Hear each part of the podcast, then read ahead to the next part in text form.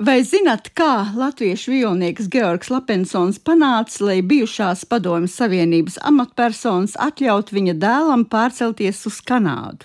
Latvijā maz kurš vairs atceras violnieku Georgu Lapensonu, bet arī viņš ir viens no tiem, kurš profesionālo izglītību savulaik iegūs Latvijas konservatorijā un ar savu spožo spēli palīdzējis daudzināt Latvijas vārdu plašajā pasaulē.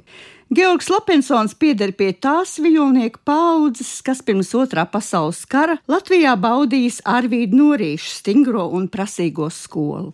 Norīts Lapensons minējis kā vienu no spējīgākiem saviem skolniekiem, kam, kā viņš teicis, Jau zēna gados bija milzīgs tonis un akrobātiska spēles prasme. Studiju laikā Lapensons darbojies fronts teātrī un arī Latvijas Nacionālās operas orķestrī, kādu brīdi bijis radiofona orķestra tagadējā Latvijas Nacionālā simfoniskā orķestra koncertmeistars.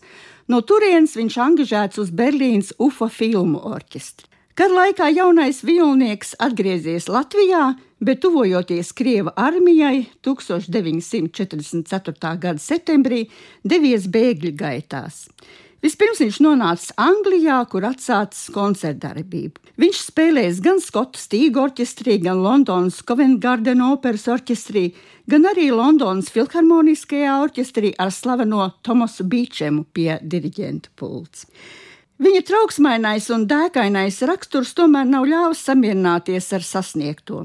Jaunu karjeras iespēju meklējumos Lapensons 1949. gadā pārcēlies uz Kanādu, kur kļuvis par CBC simfoniskā orķestra koncertmeistaru un tur sabijis priekš sevis neticami ilgi, vesels 11 gadus. Šajā laikā viņš daudz uzstājies kā solists un kamermūziķis koncertos, televīzijas un radio raidījumos un ieskaņojis 18 skaņu plats. Liels bija Lapensona ieguldījums latviešu mūzikas popularizēšanā. Tā skanējis nevien viņu spēlētajos koncertos, bet tai veltīts arī mūzikas albums Music from Latvija ar Jāzepa Vītola, Jāzepa un Jēkaba Mediņu, Helmera Pavasara un paša violnieka sacerētu mūziku.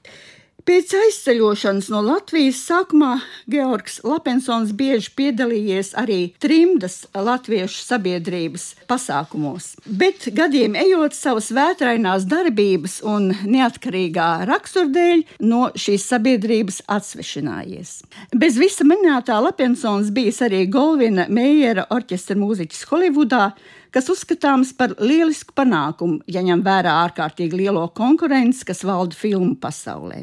Vēlāk viņš kļuvis par Miami Simfoniskā orķestra un Metropolis operas orķestra koncertmeistaru. Georgam Lapensonam ir bijusi kupla ģimene, pieci bērni, bet vecākais no tiem, Egils Olivers, bija palicis pie šķirtās sievas Latvijā, un Georgs Lapensons visiem spēkiem mēģināja dēlu izsaukt pie sevis uz Kanādu. Ilgi viņam tas neizdevās, bet tad pienāca 1959. gads, kas vēl bija augstā kara laiks. Viss pasaules skati bija vērsti uz Amerikas Savienotajām valstīm, kas gatavojās pirmajai Padomju Savienības līderu vizītei. Vēl nozīmīgāk tā bija tāpēc, ka Nikita Hruščovs Amerikā ieradās kopā ar sievu Ninu un diviem saviem jau pilngadīgajiem bērniem. Savā veidā šai vizītei gatavojās arī Georgs Lapensons.